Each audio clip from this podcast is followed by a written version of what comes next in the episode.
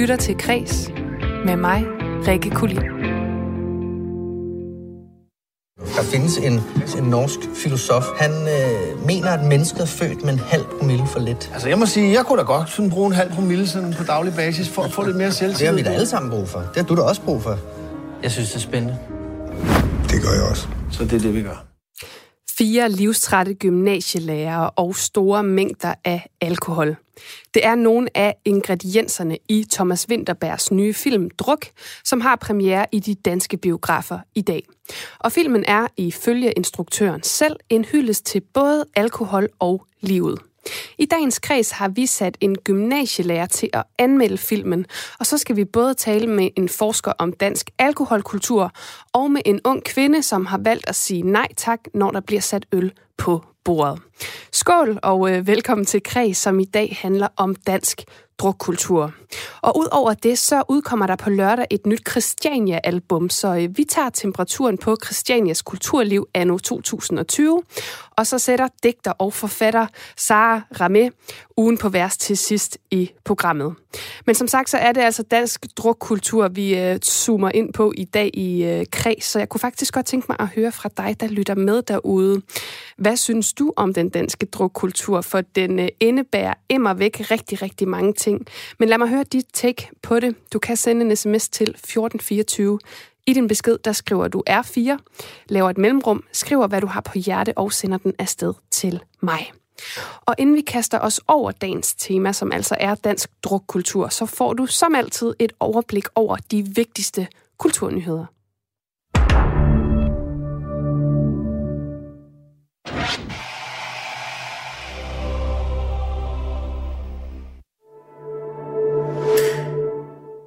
Man kender det, det er lørdag aften. Man har lagt sig godt til rette på sofaen med en skål chips og et glas cola, og nu skal der streames. Først så tjekker man Netflix ud, så HBO Nordic og måske Disney+. Men man kommer ingen vegne, og før man ved af det, så har man brugt hele aftenen på at scrolle rundt og lede efter det, som egentlig skulle have været aftenens underholdning. Danmarks største brugerportal for biograffilm, Kino.dk, som også fungerer som øh, billetportal og laver filmnyheder og guides og brugeranmeldelser af film, det vil nu forsøge at gøre det lidt lettere for danskerne at vælge, hvad de skal streame. De lancerer nemlig et nyt mediesite, som hedder Streaming Guide, og dets fokus det er at inspirere danskerne til, hvilke film og serier de skal se på de efterhånden virkelig, virkelig mange streamingtjenester herhjemme. Det oplyser Kino.dk selv i en pressemeddelelse. Og ifølge en undersøgelse fra det Danske Filminstitut, så øh, bruger danskerne nemlig generelt set lang tid på at finde ud af, hvilke film og serier de skal se, og ikke mindst hvor. Og jeg vil bare øh, stemme i det kor og sige, den er god nok. Og det overblik, det ønsker Streaming Guide altså at levere. Med vores nye streaming guide er det muligt at komme hele vejen rundt i en films levetid og til med dække seriefronten. Det siger administrerende direktør for Kino.dk, Jesper Grønfeldt, om den her nye tjeneste. Det sidste halve år, det har været svært og udfordrende for mange. Der har været brug for forskellige slags hjælpepakker, tiltag og initiativer for at holde samfundet og dets borgere oven vande. Og nu der er der så kultur, idræts- og foreningsaktiviteter på vej til de danskere, der måske er allerhårdest ramt af coronarestriktionerne. For de sårbare, udsatte og ældre borgere, der kan det nemlig give ret så store udfordringer at leve i den her tid, som jo for rigtig mange det medfører isolation og inaktivitet og ensomhed. Men det skal i alt 194 projekter ændre på, så der netop kommer masser af glæde, inspiration og engagement, selvfølgelig under sundhedsforsvarlige forhold. Det skriver Slots- og Kulturstyrelsen i en pressemeddelelse. Det er en pulje, som er en politisk aftale mellem Social- og Indrigsministeriet og Sundheds- og Ældreministeriet på 19,4 millioner kroner. Og den støtter lokale aktiviteter og arrangementer. Og det er sådan, at de første projekter rundt om i landet, de fik allerede besked om at modtage støtte i øh, maj måned, og nu er de sidste midler i den her pulje så fordelt. Udsatte unge de har for eksempel mulighed for at blive en del af en musikalsk maker- og mentorindsats, hvor de så sammen med professionelle musikere kan komme med på en rapcamp. Og der er altså masser af den her slags øh, initiativer. Og udover at de både er lokale og regionale, så bliver der altså også afholdt nationale initiativer frem til udgangen af i år. For eksempel morgentræningsprogrammet Aktiv i en coronatid, på DR, som er udviklet af Dansk Firma Idræt og Ældresagen, hvor de ældre borgere de får mulighed for at styrke musklerne og deltager i et fællesskab.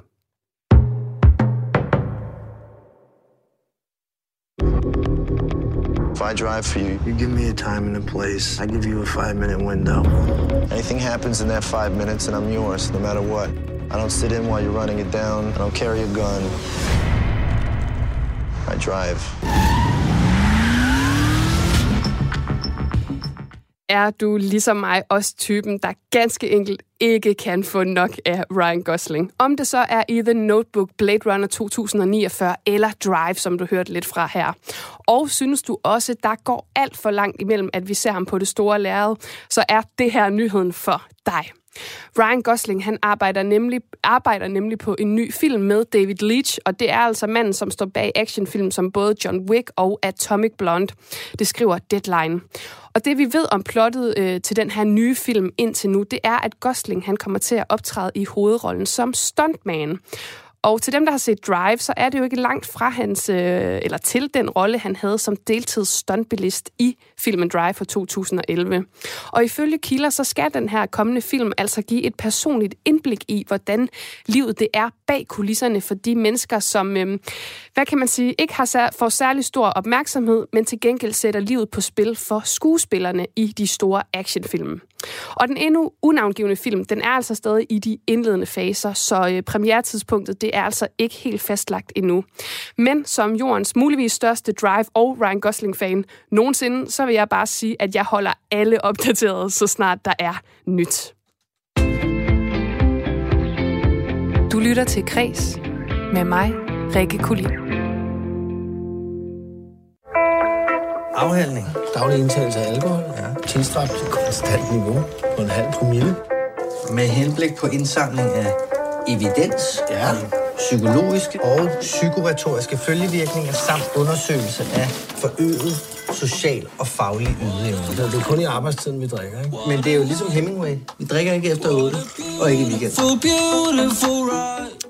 Mennesket er født med en alkoholpromille, der er 0,5 procent for lav. Det mener en norsk filosof i hvert fald. Den tese den er udgangspunktet for filmen Druk af Thomas Winterberg, og den har premiere i dag. I filmen der møder vi fire gymnasielærere, spillet af Mads Mikkelsen, Thomas Bo Larsen, Magnus Milang og Lars Rante. Og historien den udvikler sig hurtigt, da de sammen sætter sig for at teste den her tese og møde på arbejde med en halv promille i blodet. Og i starten, der går det godt, men efterhånden så tager alkoholen altså overhånd. Og i dag, der skal vi have en øh, lytteranmeldelse af filmen, og jeg kan nu sige velkommen til dig, Kasper Tornbjerg. Du har arbejdet som gymnasielærer i 8 år, og øh, så laver du også podcasten Lærer på lærret, som handler om undervisere på film. Velkommen til Kreds. Tak for det. Altså, øh, lad os lige starte med den her tese, som hele filmen jo tager udgangspunkt i. Hvad tænker du om den her tese om, at mennesket simpelthen er født med en halv promille for lidt i blodet? Jamen, jeg synes, da, jeg- da jeg først hørte, det var præmissen for, for Thomas Winterbergs nye film, var noget overrasket, som jeg tror øh, mange andre også var. Øh, det lyder ikke ligesom sådan en typisk øh, Thomas Winterberg-præmis. Øh, det lyder mere som noget clown komik. Og jeg synes også, de første øh, teaser-trailers, der er ude, har også peget den retning. Øh, men jeg synes egentlig, det kommer til at fungere meget godt. Jeg synes faktisk også, det er ret øh, modigt, at en, øh, en dansk dramafilm har sådan en præmis. Øh, sådan lidt anderledes præmis i hvert fald. Så den er ikke øh, helt så klovnagtig, som den måske godt kunne se ud i traileren. Absolut ikke, nej. Og i den her film, der møder vi jo en, øh, en drukkultur i gymnasiet, og det er altså både blandt øh, eleverne på gymnasiet og underviserne. Men jeg ved, du mener, at filmen måske ikke på den måde kan ses som realistisk. Hvorfor ikke det? Jamen, Jeg synes jo ikke, det virker som om, at, at Thomas Winters projekt er at skildre sådan et realistisk billede af, af gymnasiet i dag. Der, er- jeg tror, der er nogle andre årsager til, at han vælger øh, sådan en gymnasiesetting, at øh, det skal være gymnasielærer, og vi ser øh, gymnasieelever. Øh, så jeg tror, projektet er lidt et andet. Hvad tror du, projektet er? Jamen, jeg tror, han vil sige noget om, øh, sådan som jeg læser den, tror jeg, han vil sige noget om, om øh, danskernes forhold til alkohol helt generelt. Og så tror jeg også, han prøver at sådan spide lidt den der sådan akademiseren, man ser hos nogle mænd i en vis alder. Øh, de her mænd forsøger ligesom at skjule deres brændert bag sådan nogle, noget akademisk sprogbrug i virkeligheden. Jeg tror mere, det er den øh, vej, han vil gå. Men jeg er lidt interesseret i at høre, om du synes, den øh, glorificerer alkohol, eller om den egentlig peger fingre af det. Altså, hvor er vi i det spænd? Fordi øh, jeg har også set filmen, og jeg har lidt svært ved at gennemskue det nogle gange, synes jeg. Det har jeg også. Øh, og jeg tror, det er ret øh, tilsigtet. Det synes jeg også, at det, man fornemmer, når man læser interviews med Thomas Binderberg, at det ikke er en film, der sådan vil nå til en, en, en helt soleklar konklusion om, hvad, hvad han egentlig synes om alkohol. Han siger jo der med, at, øh, at, at han vil øh, det skulle være en hyldest til alkohol, sådan lidt kontroversielt, men det skulle også øh, vises af alkoholens skyggesider, og det må man jo sige, den gør sådan set begge dele. Og øh, du har altså også valgt en yndlingsscene her i filmen, og det er en scene, hvor læreren Peter, som er spillet af Lars Rante, han øh, prøver at trøste en øh, grædende elev. Lad os lige høre en bid af den scene. Jeg har selv fået knust mit hjerte for en gang eller to. Kom, sæt dig lige. Du skal bare vide en ting, lige der med de piger, ikke? Selvom man ikke Peter, tror... det er ikke det. Hvad så? Det er bare alt det her. Skolen, øh, lektier, karakterer. Mm. Jeg gik fuldstændig i baglås sidste år til eksamen. Du tænker på eksamen allerede nu? Jeg er nødt til. Jeg kan ikke gå 3G om endnu en gang. Så. Nej.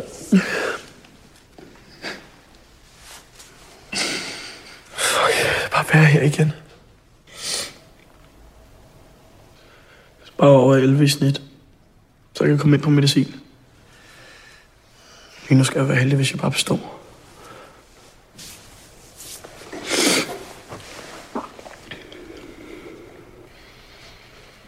Har du nogensinde overvejet at tage en lille en, inden du skal ind til eksamen? Ja, jeg skal bare have 11 i snit, så jeg kan komme ind på medicin. Altså, hvorfor har du valgt øh, den her scene, Kasper? Jeg synes faktisk, den, øh, jeg synes, den rummer øh, meget af det, filmen prøver på, egentlig sådan, på i sådan en miniatyrformat.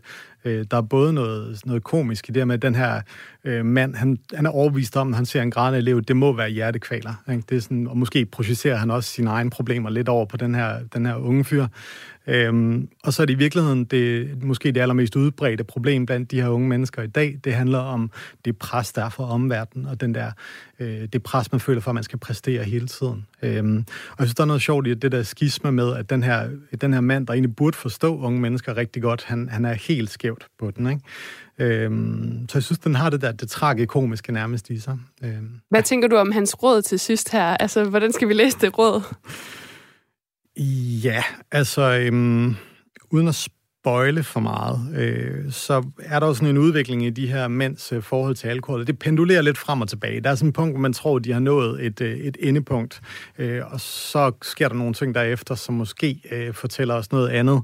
Øh, og øh, jo, men altså, det er jo, det er jo det er nok også, det kommer lidt langt tilbage til det, jeg sagde før, med at det ikke er 100% realistisk. Jeg tvivler på, at, øh, at der er særlig mange danske gymnasielærer, der vil, der vil reagere sådan, eller give det her råd til, til deres elever. Det er i hvert fald ikke noget, vi opfordrer til her. Men i den podcast, du laver, som hedder Lærer på Læret, der taler, taler I jo også øh, om forskellige undervisningsstile, som man ser øh, portrætteret på film. Så er jeg jo lidt nysgerrig på, for det ser vi jo også i den her film. Hvordan vil du karakterisere de her fire gymnasielærers undervisningsstile, måske både før og så efter indtagelsen af alkohol? Jeg tror... Øh, heldigvis, tror jeg aldrig i virkeligheden, jeg, jeg har set øh, nogle lærere være så fuldstændig slukket og tømt for, øh, for livsklæde, som Mads Mikkelsen er i starten af den her film. Han er simpelthen fuldstændig zombificeret, ja. øh, fuldstændig øh, passiv. Ikke? Han spiller det virkelig godt. Altså, øh, ja, det har jeg heldigvis ikke set i virkeligheden. Så, så det, er jo, det er jo helt nede på nul. Ikke? Øh, og, og så går han igennem sådan en udvikling, hvor han når til, øh, til, til, til den diametrale modsætning. Altså, Echos anmelder sammenlignet ham med øh, Mr. Keating i Dødpoeters Klub, øh, som er den her sådan meget øh, energiske lærer, der, der forstår at motivere de her sådan, et, sådan nogle forstokkede kostskoleelever lidt, og selv, ligesom få dem til at leve deres bedste liv. Ikke? Øh, sådan en total motivator, som både er motiveret og motiverende. Ikke? Er du enig i den sammenligning, skal jeg høre? Det er jo en stor sammenligning at komme med, fordi han er måske den ultimative lærer portrætteret på film. Jeg, jeg forstår godt, øh, jeg forstår godt sammenligningen. Det er, jo, det er jo det ideal, man har som lærer. Ikke? Det, det er sådan den der, i, i vores podcast, der, der har vi overvejet at indføre noget, der hedder Mr. Keating-klokken, men som hver gang vi ser de der, den der arketype øh, den der lærer, der ligesom får eleverne helt op under loftet. Ikke? Ja. Øh, og jeg tror, den klokke vil ringe rimelig, rimelig hæftigt her. Ikke? Altså, den fokuserer jo både, som vi snakkede om i starten, det her med drukkultur, både blandt eleverne og blandt lærerne, og vi, øh, vi fornemmer ligesom her, altså den scene, vi, vi hørte et klip fra før, den slutter ligesom med en lærer, der tilbyder sin elev at drikke alkohol. Har de unge mere brug for at drikke alkohol i dag, for at slippe væk fra det her store forventningspres? Fordi der er jo ingen tvivl om, at øh, det har vi jo hørt masser af gange, at øh, de danske unge, de er jo, ja, vi har tit hørt sætningen, øh, europamester i druk. Jeg tror, det er en, øh, en læsning, som man sagtens kan lave på filmen her. Hvorvidt det, det sådan, det hænger sammen, det skal man jo lave noget forskning i. Ikke? Men, men jeg, jeg tror da absolut, det, det kunne godt være en, en, øh, en, en mulighed. Jeg er egentlig ret glad for, at, øh, at filmen tager de unges problemer alvorligt. Altså, de, de unge bliver skildret, altså det er nogle ret alvorlige ting, de går med, og det bliver skildret alvorligt. Der bliver ikke gjort grin med det, man peger ikke fingre af de her unges problemer. Det synes jeg er rigtig vigtigt øh, at fremhæve. Det er en, en god ting, filmen gør. Så der er altså nogle betragtelige problemer. Øh, og det ville være forståeligt måske, hvis, hvis, øh, hvis man så alkohol som en nem måde at undslippe det lidt. Ja, det vender vi også tilbage til senere i programmet, men øh, nu skal vi jo, nu har vi jo dig inde til anmeldelse her, så øh, jeg synes, vi skal øh, give den fra øh, 1 til 6, og det kan måske være, jeg ved det ikke, de drikker sådan en meget dyr vodka på et tidspunkt, så øh, vodka shots mellem 1 til 6, hvor, øh, hvor ligger vi henne? Jamen, jeg er sådan en tavlig en, der ikke kan lægge mig fast. Jeg ligger sådan mellem tre og fire vodka shots i så fald. ja. øhm, jeg synes, den fungerer bedst som sådan en, den der kritik af, af danskernes øh, forhold til alkohol. Det synes jeg, den, den har nogle, faktisk nogle fine pointer. Jeg synes, der er en vigtig pointe i, at, at Thomas Bo Larsen spiller sådan en karakter, hvis drikkeri er socialt uacceptabelt, fordi han er fraskilt, og han er alene, og han ser ikke godt ud, og sådan noget. og Mads Mikkelsens drikkeri er omvendt sådan lidt mere socialt acceptabelt, og de unges drikkeri er også socialt acceptabelt, selvom vi får at vide på et tidspunkt, en af de her gymnasieelever drikker 55 genstande om ugen, eller noget ja. stil, ikke? Ja. Øhm, så og der synes jeg, der er faktisk en fin pointe i det. En ret skarp pointe også. Øh, jeg synes, når vi rammer sådan den høje ende af skalaen, både øh, følelsesmæssigt og promillemæssigt, så synes jeg, det er mindre overbevisende. Øh, jeg er ikke sådan helt med den der følelsesmæssige rejse. Jeg synes, det er interessant, at der er mange, der har set slutscenen som sådan en sådan opløftende hyldest til livet. Og da, min, da jeg selv så den, tolker jeg den meget mere sådan ironisk, faktisk, den der slutscene. Øh, som om, at, at, øh, at Mads Mikkelsen står et sted, han ikke har fortjent at være, ja. det til sidst. Ikke? Ja, og det er jo også interessant det her med, at du siger, at der, hvor den måske er svagest for dig, det er, når vi er oppe i promillerne. Det er jo også det, man siger, at det er noget af det sværeste at spille overhovedet, det er at spille fuld. Ja. Så det er også noget af en opgave, de har haft, kan man sige. Præcis, ja. Men det bliver altså mellem 3 til 4 vodka shots fra dig. Tak for det, Kasper Tornbjerg, gymnasielærer og en del af podcasten Lærer på Læret. Og filmen Druk, den er lige nu aktuel i biograferne over hele landet. Podcasten Lærer på Læret, den er en del af vores program Talentlab her på Radio 4, og du kan også finde den der, hvor du normalt hører podcast. Og senere i programmet, der taler jeg altså med en forsker om, hvordan alkohol er blevet så stor en del af vores samfund herhjemme, og at det næsten er umuligt ikke at drikke i sociale sammenhænge, uden at folk lægger mærke til det. Og så skal vi også tale med en ung kvinde, som har valgt ikke at drikke alkohol. Og jeg vil altså stadig gerne høre fra dig. Hvad synes du om den danske alkoholkultur? Du kan sende en sms til 1424. I din besked, der skriver du R4, laver et mellemrum, skriver, hvad du har på hjerte, og sender den afsted til mig. I har slået med knibler. I har truet med våben. I har prøvet stoppe jeres egne børns råben. I kan komme med hjelme og hule paragrafer. Men I burde snart kunne indse det er selv,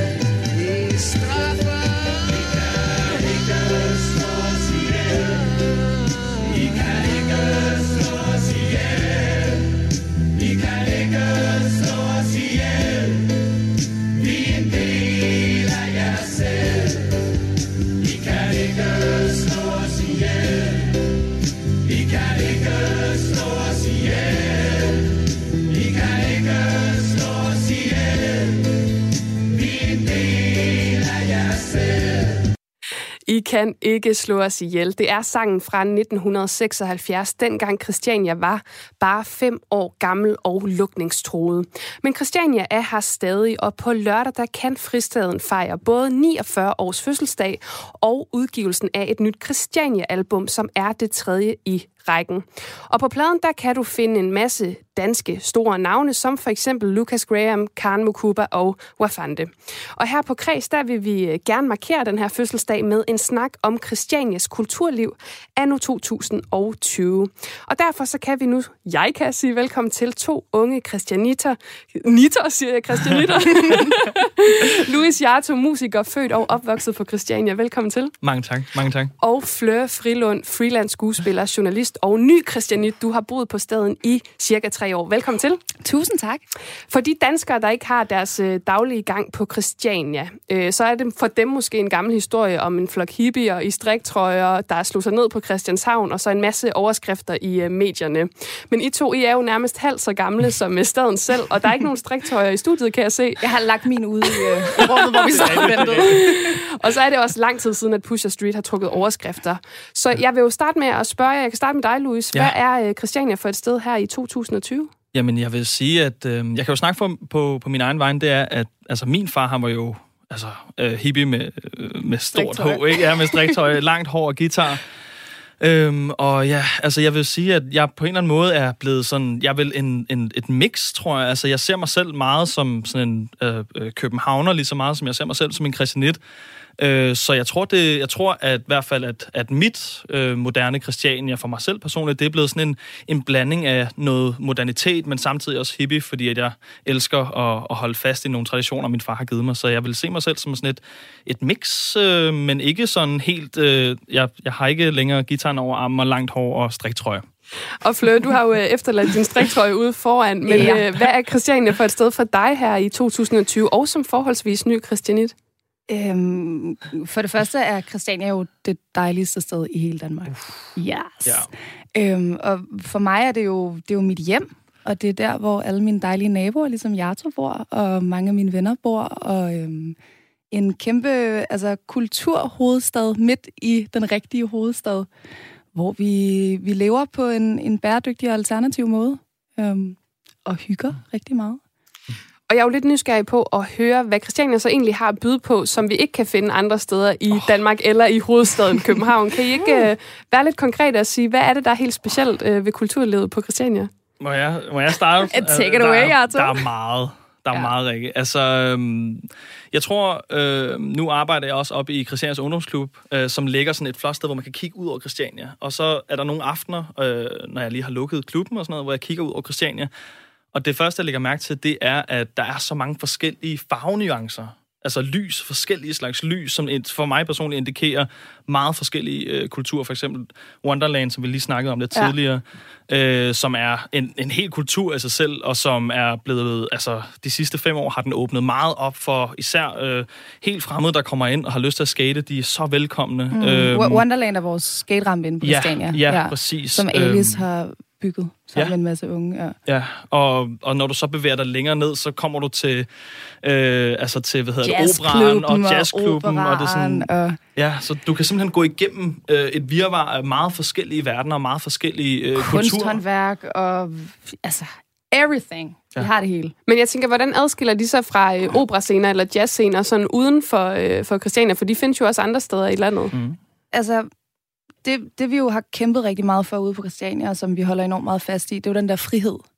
Altså friheden til at udfolde sig, som man har lyst til, og friheden til at lave den kunst, man brænder for. Mm. Og det tror jeg er, er derfor, at det er så unikt, det vi har ude på Christiania, fordi at der er ikke så mange regler, og der er ikke så mange rammer, og hvis der er nogen, så bryder vi de der skide rammer, og altså... Som, som jeg siger, altså der er, der er lidt flere farver, der er... Øhm, det flyver ligesom frit, ikke? Altså, Også hvis du, hvis du nu tager over på for eksempel Børneteateret, som er vores øh, jazzklub. Lad os tage det som eksempel. Så vil jeg sige sådan en kæmpe forskel for mig, fordi at jeg elsker også jazz. Altså jeg går også til øh, La Fontaine og nogle andre dejlige steder i København og lytter til jazz. Men den kæmpe store forskel for mig, øh, især med Christiania, det er, at på vores, i vores øh, jazzklub, der oplever du altså mennesker, som du bare ikke ser mm. på La Fontaine. Det er helt, altså Ja. du, Der er øh, trompetister, som er vanvittigt dygtige, som har gået sådan der fra Tyskland op igennem øh, Jylland, igennem Fyn, og sådan, så kommer det til Christiania, og så er de sådan lidt, så rører de en joint, og så er det sådan, hey, hvad så? Og så bliver lidt kastet ind i det her børneteater her. Skal og så, det- lige og så spiller de aften bare- kl. 8? og så, der, ikke, det kan da godt. og så spiller de bare det fedeste jazz, og det sker bare ikke på La Fontaine. Det er sådan, det, det, du får virkelig en kulturnuance, en kulturnuance, som ja. bare er skæv på en fantastisk måde øh, på børneteateret. Og, Ja. ja, ja og, og vi har plads til rigtig mange. Altså ligesom du siger, der er enormt mange originaler. Og dem, dem er der plads til, de skal bare være der. Altså de får ikke lov til ikke at komme ind, fordi der er plet på skjorten eller Mm. et eller andet. Altså, badehuset. Ba- altså, wow. Dejligt sted. Det må, wow. det må Ja, jeg sige. ja. Holy, altså, altså, der er noget for... Det, ikke, altså, jeg kan så sige, at badehuset, der, der må man ikke have tøj på øhm, til Ja. jer lyttere her. Så ja, på den måde, så så, skiller det sig, det. det skiller sig lidt ud. Altså, det gør det. Men Louis, du er, jo, du er jo selv musiker, og din far er Ja. kunstner. Altså, jeg er lidt nysgerrig på, om Christiania sådan giver bedre rammer for faktisk at udfolde sin kreativitet, end altså, en villavej i Esbjerg, hvor jeg for eksempel kommer fra. Det, Villavej i Esbjerg kan også noget, Rikke. Bare Ja. rolig. Jamen, jeg Ja. står jo også Du her. står altså, her. nu Look at you. Og se, hvor farverig du er. Men, øh, men øh, ja, altså er der en, Ja. en, eller anden, en bedre ramme for at udfolde sin kreativitet? Øh, altså... Sådan et Altså- sted som Christiania. Nu snakker I meget om, om den her sådan lidt mere distræte øh, kultur også på en Ja. måde, at man gør ting, når man får lyst til dem osv. Ja, altså... Jeg vil sige, det som Christiania virkelig giver, øh, eller har givet mig i forhold til øh, øh, kreativitet og, og udfoldelse i forhold til musik, det er, at jeg har ikke fået øh, ind med skeen øh, de her, hvad skal man sige, øh, øh, øh, relevanter, der måske er. Hvis, hvis du skal lave musik, så skal du gå til guitar. Eller hvis du skal mm. lave musik, så, så, så skal du have, øh, øh, så skal du gå til musik på skolen og, og mødes med nogen. Der, altså på Christiania, der føler jeg lidt, at der her for eksempel, det er ofte, at jeg bare sådan altså bare har lavet musik en, en hel dag øh, som øh, niårig, og bare sådan slet ikke tænkt over sådan der, at jeg skulle øh, spille computer, eller, øh, eller at jeg skulle sådan øh, gå til guitar for at lære guitar. Det anede jeg, jeg anede ikke slet ikke, hvad jeg lavede med den der guitar der. Det var sådan en halv finger på den ene streng, og så sådan håbede jeg, der kom noget lyd. Altså, og, det er sådan, og min far han var bare sådan, ja, du, you do you. Og så gik jeg jo bare en lang tur igennem Christiania, og, og lavede øh, ja, jeg vil nok kalde det musik, men altså, der har nok ikke været så meget rytme i det, men lyde, ikke? Altså, øh, ja. Ja. ja. Jamen også, vi har jo også det her kæmpe store fællesskab. Altså, vi jo, jeg, jeg kalder jo altid folk, hvis jeg skal fortælle mine venner om et eller andet, "Men så spiste jeg middag med Clara. Sådan, Nå, hvad med Clara? Nå, det er jo min nabo. Og så Ja. tror folk lige pludselig, at jeg har sådan 800 naboer, men vi er jo alle sammen naboer Mm. mm. ude på Christiania. Mm. Altså, vi har jo Mhm. et, et stort fællesskab af mennesker, der kan alt muligt spændende, Mm. og er skide kreative, og alt sådan noget. Nu peger du på min Nej, Hvad så? jeg holder Hold mine Ja. fingre i vejret, Ja, fordi ja, ja. jeg tænker jo, at grund til, at jeg også er her, det er jo, at Ja. vi skal fejre, eller I skal fejre på lørdag, at øh, Christiania fylder 49 år. Hele Danmark skal fejre, Det skal at Christiania fejres. fylder 49 år. Men Eller det skal... Ja. vi skal også lige sige, at vi har jo faktisk lukket ned i år. Ja, Man desværre. kan ikke komme ind på Christiania og fejre fødselsdagen, men man Undskyld, kan fejre Danmark. den, undskyld, men man kan fejre den derhjemme, og så kan vi ses igen næste år, når vi fylder 50. Og så kan man jo lytte lidt til øh, pladen, der kommer ud på lørdag. Og vi skal lige høre et øh, lille bitte klip fra øh, sangen Christiania står her stadig med Kaka og Shaka Loveless. Uh. Men Christiania står stadig.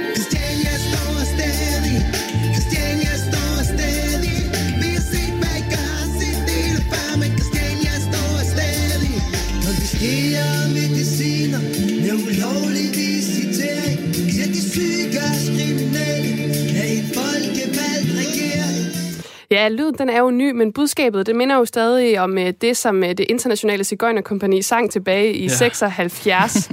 Jeg er jo lidt nysgerrig på, nu står Christiania her stadig, men hvorfor er den her ånd her til sidst stadig vigtig for kulturlivet i Danmark?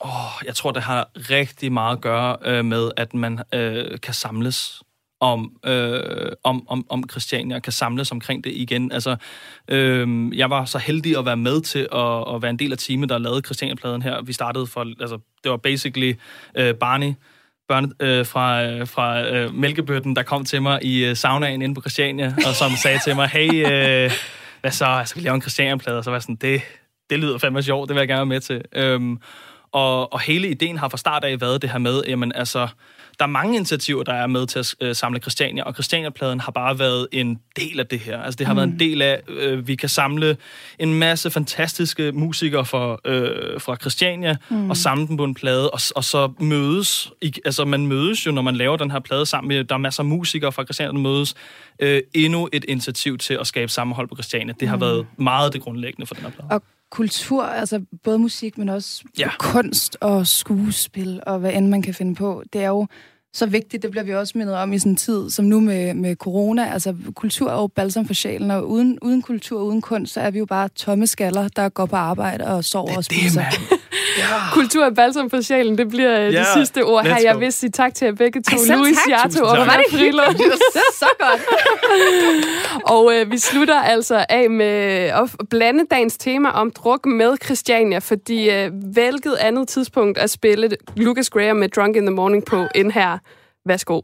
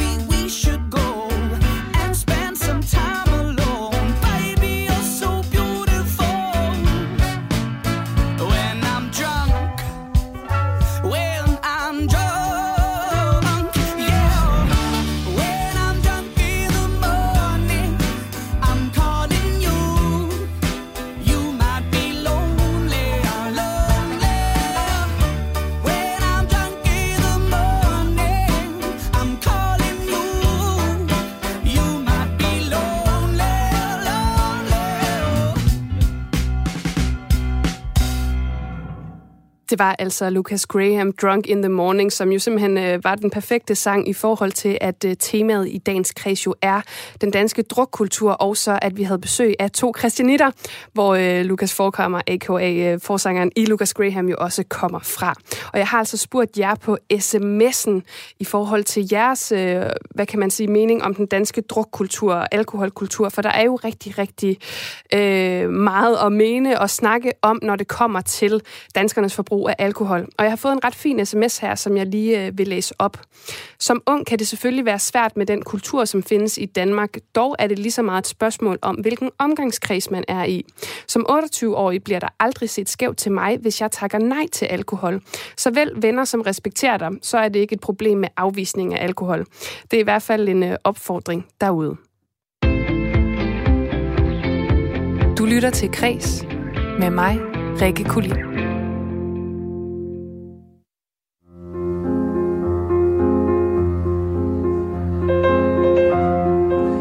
Jeg lyst til at starte aftenen med lidt champagne. Det lyder dejligt. Øh, jeg er i bil. Jeg skal bare have en øh, dansk vand øh, uden citrus. Uden citrus, ja tak. Ja. ja. Hæft, det er godt, det her. Øh, ja, det er sgu synd, du er så fornuftig. Kreds i dag handler jo om drukkultur, fordi Thomas Winterbergs nye film Druk, den er landet i biografen. Og nu skal vi tale videre om alkoholkultur i Danmark generelt. Og øh, det gør jeg i selskab med dig, Janne S. Tolstrup. Du er professor ved National Institute of Public Health i København og forsker i alkoholkultur. Velkommen til Kreds. Tak skal du have.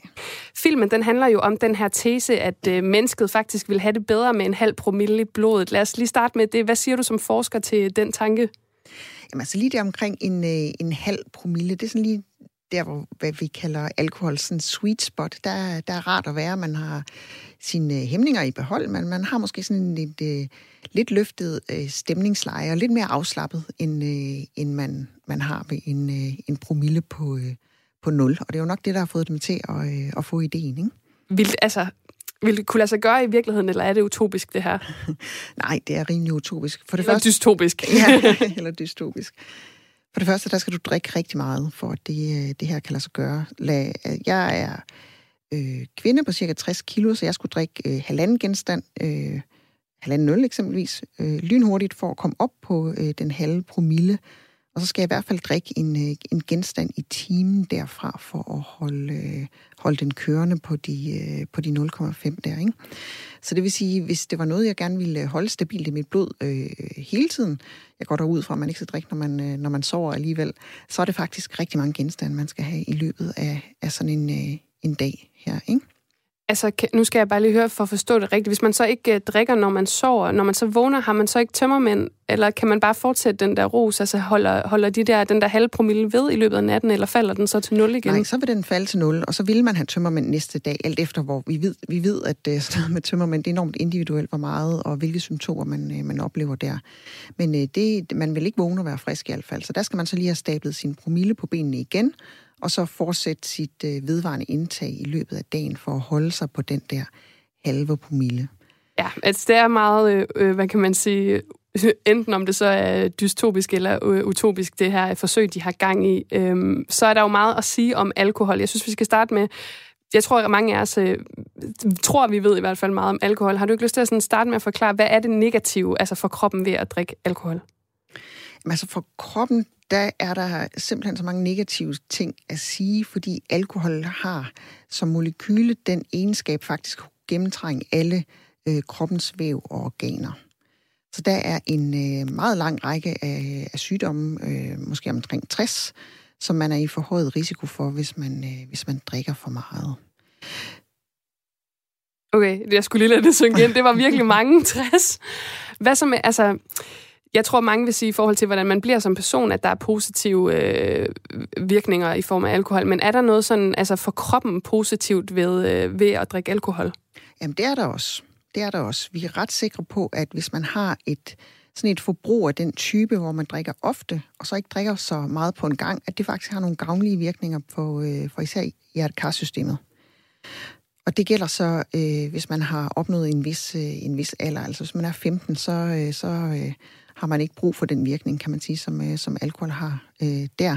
Men øh, hvis man er sådan midaldrende og derop efter, ikke, der kan der godt være ræson i at drikke en, øh, en lille bitte smule.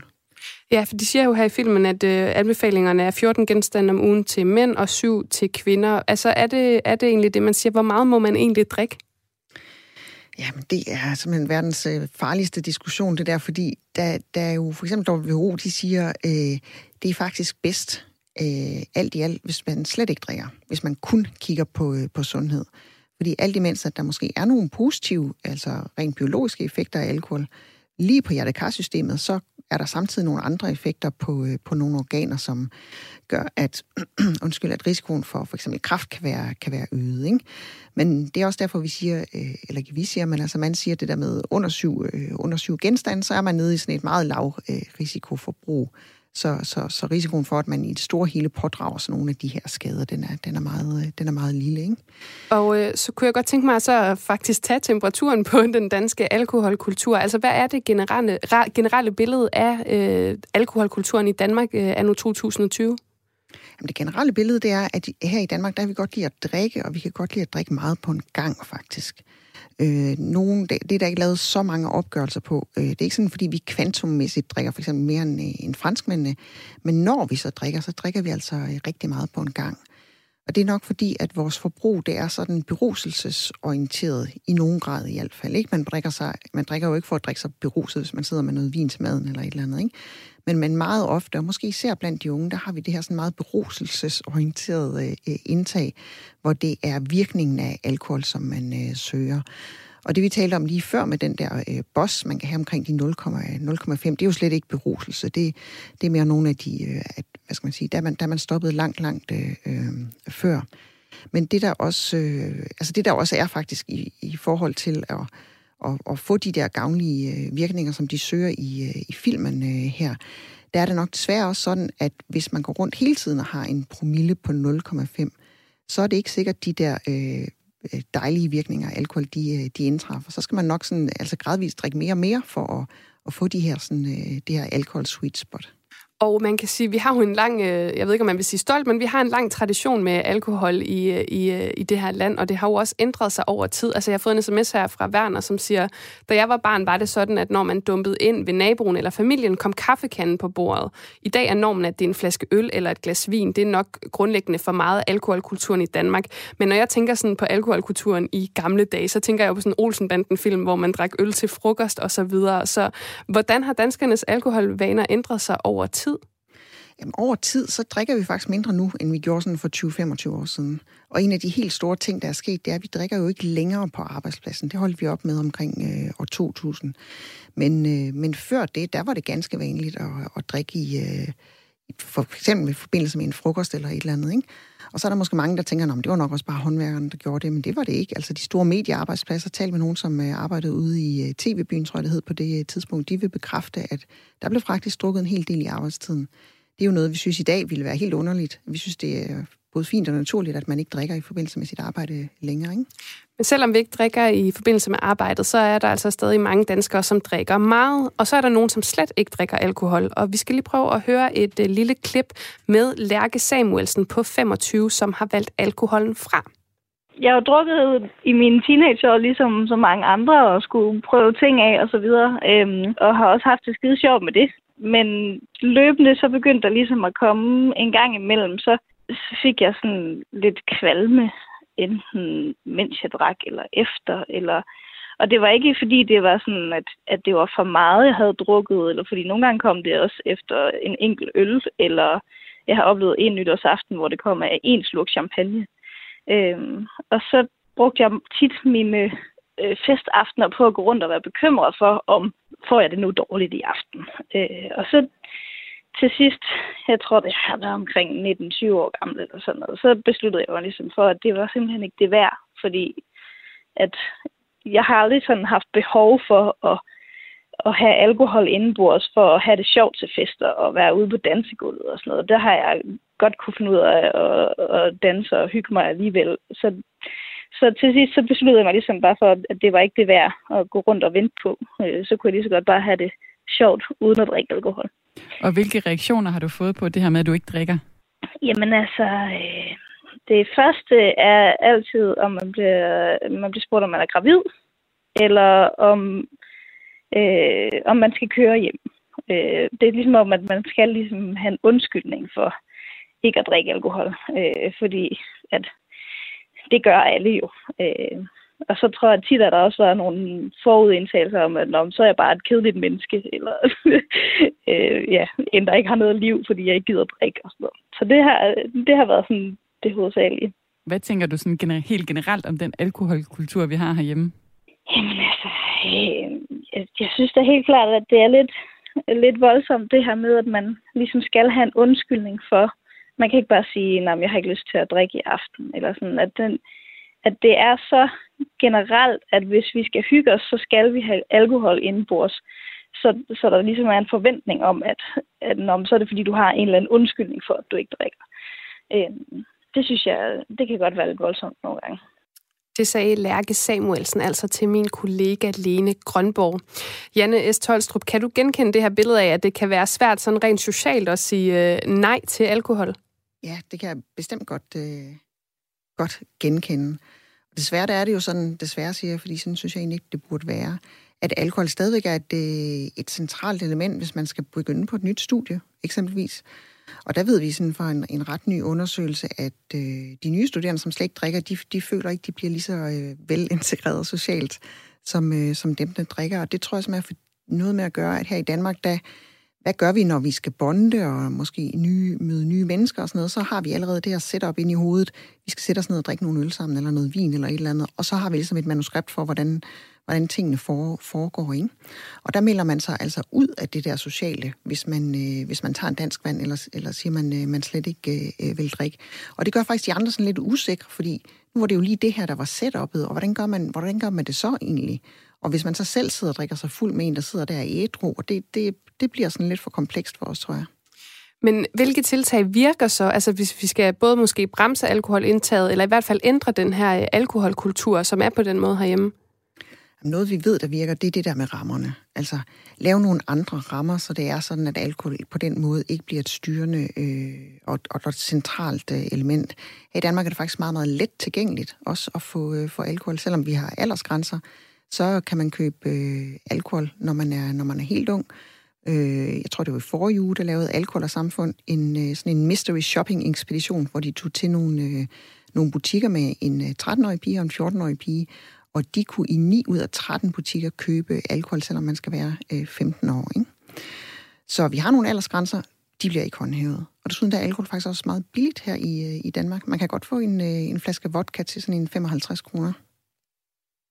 Det var altså ordene fra Janne S. Tolstrup. Vi, vi slutter her på 55 kroner for en uh, flaske vodka. Tak for det, professor ved National Institute of Public Health og forsker i alkoholkultur.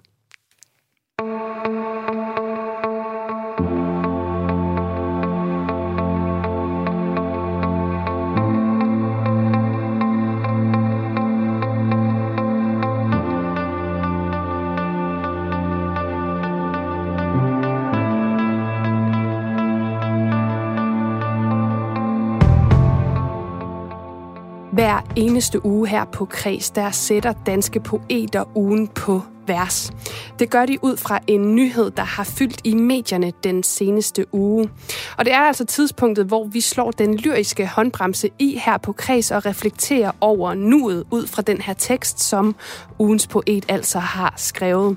Og øh, ugens poet, det er dig, Sara Ramé. Du er forfatter og digter. Velkommen til Kreds. Tusind tak. Hvilken øh, nyhed fra ugen har du øh, valgt i dag? Jamen, øh, det var en nyhed for Berlingske, der, øh, der kom i går. Og øh, overskriften hed øh, Video for muslimsk bryllup øh, gør ekspert bekymret. Øh, og det, det er faktisk den nyhed, som øh, gjorde mig lidt søvnløs i nat. Du har ikke sovet i nat? Jeg har ikke, ikke sovet så godt i nat, fordi den, den, den rammer et sted, hvor at det faktisk gør lidt ondt. Og det er fordi, at øh, den, den stigmatiserer, og den skaber den her også dem retorik, som er ekstremt skadende.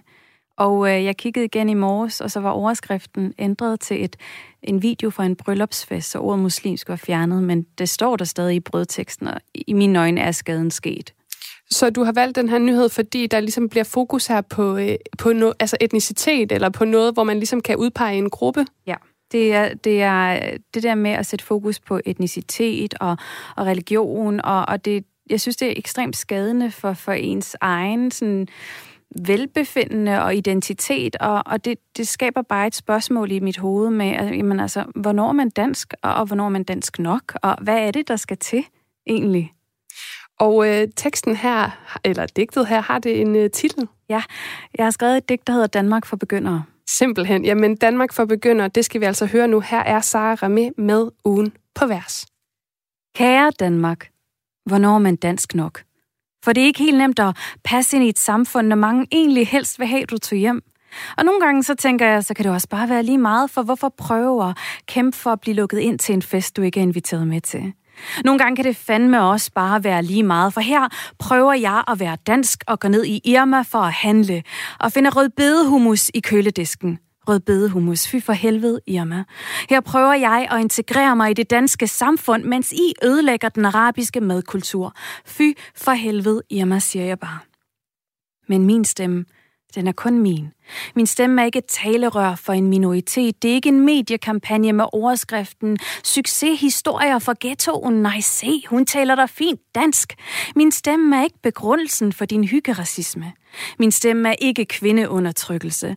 Min stemme er lyden af ekstra lektiehjælp. Min stemme er utallige timer brugt mellem bogreolerne på biblioteket. Min stemme er hæs er at retfærdiggøre min stemme som bare summen af et individ, der har taget danskhed for begyndere, som blev forvirret over janteloven og brun sovs, men som langsomt lærte, at det at være dansk ikke er en hudfarve.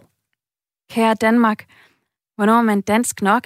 Jeg har brugt udtryk som vor herre til hest, og jeg har læst Henrik Nordbrands Vi danskere for at forstå, hvem vi danskere egentlig er. Jeg blev forelsket i hans ord, og jagter stadig mere.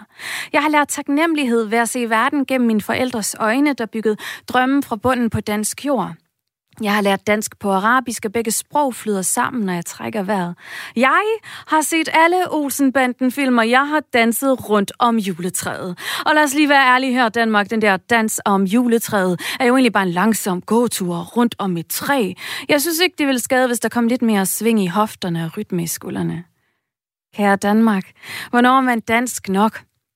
Og hvorfor kan man ikke være dansk på sin egen måde? Vi har så travlt med at liste forskelligheder og udfordringer ved et multietnisk samfund i Danmark. Men hallo, vi bragte shawarmaen til landet og falaflen til veganerne, så helt slemt kan det ikke være. Helt slemt kan det ikke være, at vi ikke er ens. Helt slemt kan det ikke være, at vi ikke tænker ens, for vi elsker ens.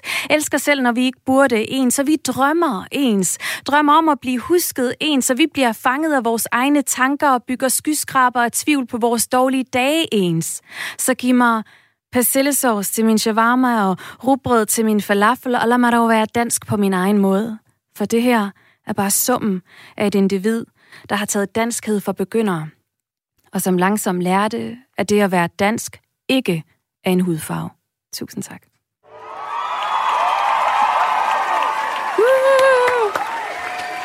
Ja, ja, jeg får lidt hjælp her fra koret, jeg kan ikke selv uh, levere så højt et klap. Tusind tak for digtet, Sara. Det var altså Danmark for begyndere. Uh, jeg, jeg slukkede for min egen mikrofon, men jeg stod så og grinede her. Jeg har faktisk lidt tår i øjnene af grin herovre. Men det her digt, det er jo faktisk ikke helt nyt. Nej. Det er skrevet for et stykke tid siden. Ja. Men det gik så op for dig, at det passede simpelthen så godt til ugen på vers. Ja. Jeg har lyst til at starte med at spørge, altså, hvad siger det om danskhedsdebatten, at du faktisk har et digt, der passer til en nyhed en hvilken som helst uge? Det, øh, det er jo pisseærgerligt, fordi i bund og grund, så havde jeg super meget lyst til at tage det her digt, og så pensionere det og sige, nu, nu har jeg brugt det. Men desværre, så bliver det ved med at være relevant, og så længe det bliver relevant, så, øh, så vil jeg bruge det. Og øh, ja, nu har det i hvert fald været her nu, altså det er altså ikke helt gået på pension endnu. Øhm, og jeg ved jo, du er i gang med at skrive en uh, digtsamling lige mm. nu, som udkommer næste år. Ja. Hvad, hvordan går det, vil jeg starte med at spørge? Det er hårdt. Det, det er ekstremt øh, ensomt og nogle gange angstprovokerende at skrive, og så er det samtidig det, det, der gør mig allermest glad i hele verden. Øhm, og det er en meget sårbar proces, fordi en ting er at stå på en scene og, og dele dine ord med folk. De tager dem jo ikke rigtig med hjem. Men en bog, der, der sætter du den hjem til folks stuer, og det er, jo, det, det er jo mig, der er i bogen. Så det er skræmmende, men jeg er ufatteligt taknemmelig og ekstremt privilegeret over, at jeg har fået den her mulighed. Har du lyst til lidt kort sætte nogle ord på, hvad den skal handle om, eller er det meget hemmeligt? Nej, det er ikke meget hemmeligt. Den handler om alle de ting, der foregår i mit hoved, som er rigtig meget med identitet og kultur, og de her to kulturer, der smelter sammen ind i mig, som jeg gerne vil forene med kærlighed. Så det fylder rigtig meget, men det handler også om at være kvinde øh, midt 30'erne, det der går rundt og spiller i mit hoved, alt fra kærlighed til mænd, til en eksmand, til, til vejret, det er det hele. Jeg vil have det hele samlet, så det er, en, det er sådan, ja, det er svært at, at, at, at begrænse sig. Det skal du heller ikke, men jeg vil sige tak, fordi du havde lyst til at sætte uh, ugen på vers med digtet Danmark for begynder. Tak, fordi du var med. Det er mig, der takker.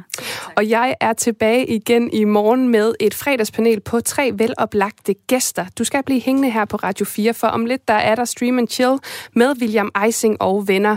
Men øhm, jeg synes lige, jeg vil slutte af med et nummer, som på en måde også øh, sådan... Øh, hvad kan man sige, tager det her program øh, og øh, konkluderer det. Det er nemlig Isam B's udgave af I Danmark er jeg født. Nu har vi talt om danskhed og dansk drukkultur. Og øh, den her sang, den er nemlig også med i øh, Thomas Winterbergs films Druk, dog i en anden version. Men jeg synes, vi slutter lidt af med at høre fra Isam B. og I Danmark er jeg født. Tak for nu. Mm.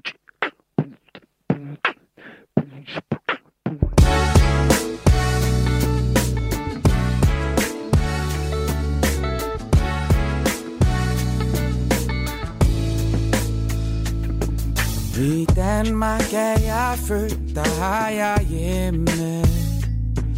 Der har jeg rod, derfra min verden går. Du danske sprog, du er min moders stemme. Så søg velsignet du mit hjerte når. Du danske friske strand, hvor holdtidskæmpe grave Står mellem et blæk og humle. Der elsker jeg Elsker jeg Der elsker jeg